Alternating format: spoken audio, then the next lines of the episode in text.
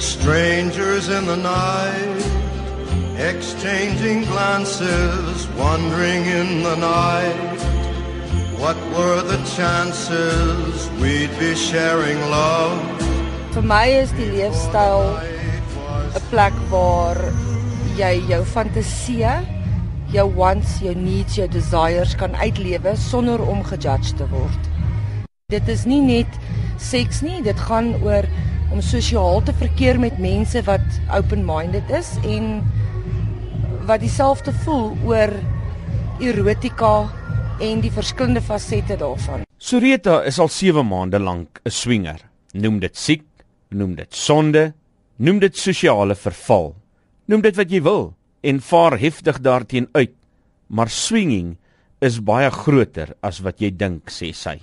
Om die waarheid te sê, dit is so groot die voorbidder, voorsanger, bazaarorganiseerder, die haken, ouderling en selfs die dominee van jou kerk kan swingers wees. Maar hulle hou dit so geheim dat niemand weet hoeveel mense regtig hieraan deelneem nie. 'n Mens kan wel 'n idee kry uit die feit dat Club Rome in Kayasands in Johannesburg waarheen Soreta gereeld gaan, 'n database van sowat 12000 lede het.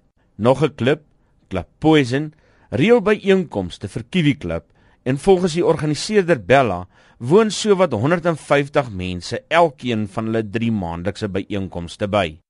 Navorsing in Kanada dui daarop dat tot soveel as 24% van die land se bevolking betrokke is by swinging verwante aktiwiteite. Maar waarom?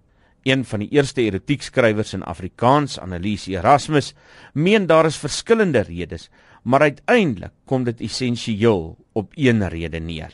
Die behoefte aan meer as een seksmaat. Dit is onnatuurlik om net een seksmaat te hê in die lewe of net een te moet aanhang vir 20, 30 of 40 jaar lank.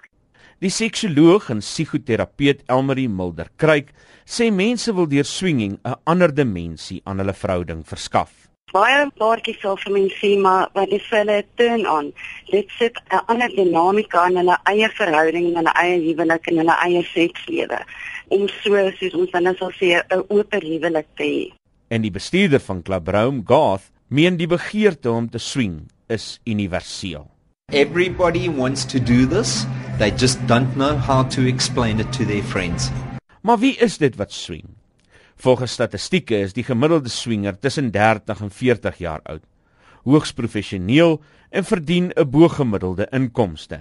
Soreta sê niemand in haar gewone wêreld weet wat sy oor naweke doen nie. Dan is ek 'n ma van 3 kinders en ek is 'n korporatiewe dame, so ek stap by meetings in en ek trek baie korporatief aan en die mense daar buite verstaan nie die ander mens wat ek is nie.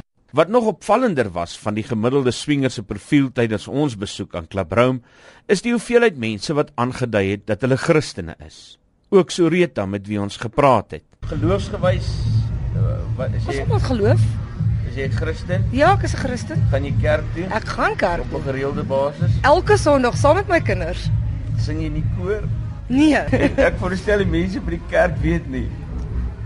Nee, maar weet weet jy hoe weer dit is as jy by 'n plek instap en daar's nog iemand van die kerk daar. Het dit al gebeur? Dit het al gebeur. In die lig van die feit dat godsdiens en seks tradisioneel nie in dieselfde asem genoem word nie, wou ek weet hoe mense dit bymekaar uitbring. Die skrywer Annelies Erasmus. Ek het altyd goeie mense nogal goed met boksies. Hulle um, swinging leefstyl en redes daarvoor is in een boksie en hulle godsdiens is in 'n ander boksie. Hulle kry weg vir die oordeel want oordeel is ons nasionale stokperdjie veral as dit oor seks gaan. En oordeel is iets wat jy nie in die swinging gemeenskap kry nie, meen Soreta. In die buitewêreld as ek die woord mag noem, word jy aangesien as 'n slet of 'n easy of of of, maar hier binne is dit nie so nie. Hier is jy 'n mens.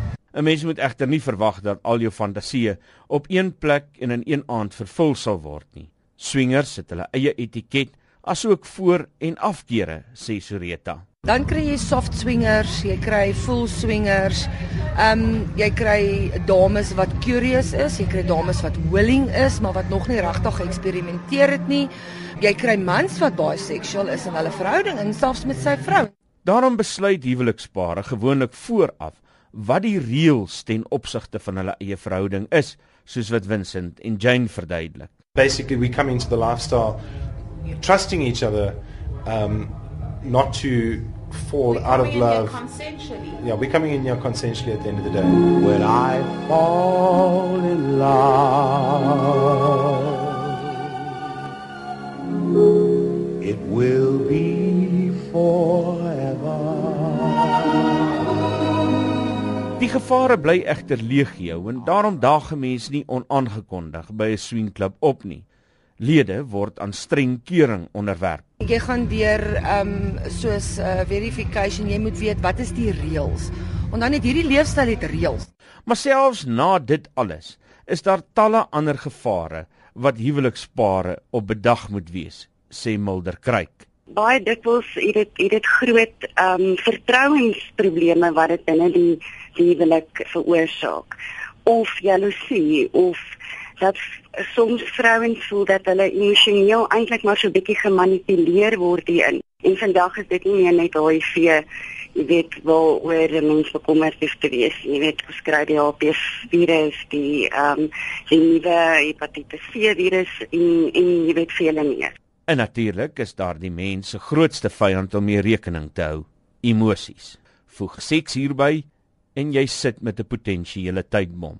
Maar dit hoef nie so te wees nie, sê Jane. Me having sex with other people, I don't make love to those other people. I don't share an intimate relationship with those other people.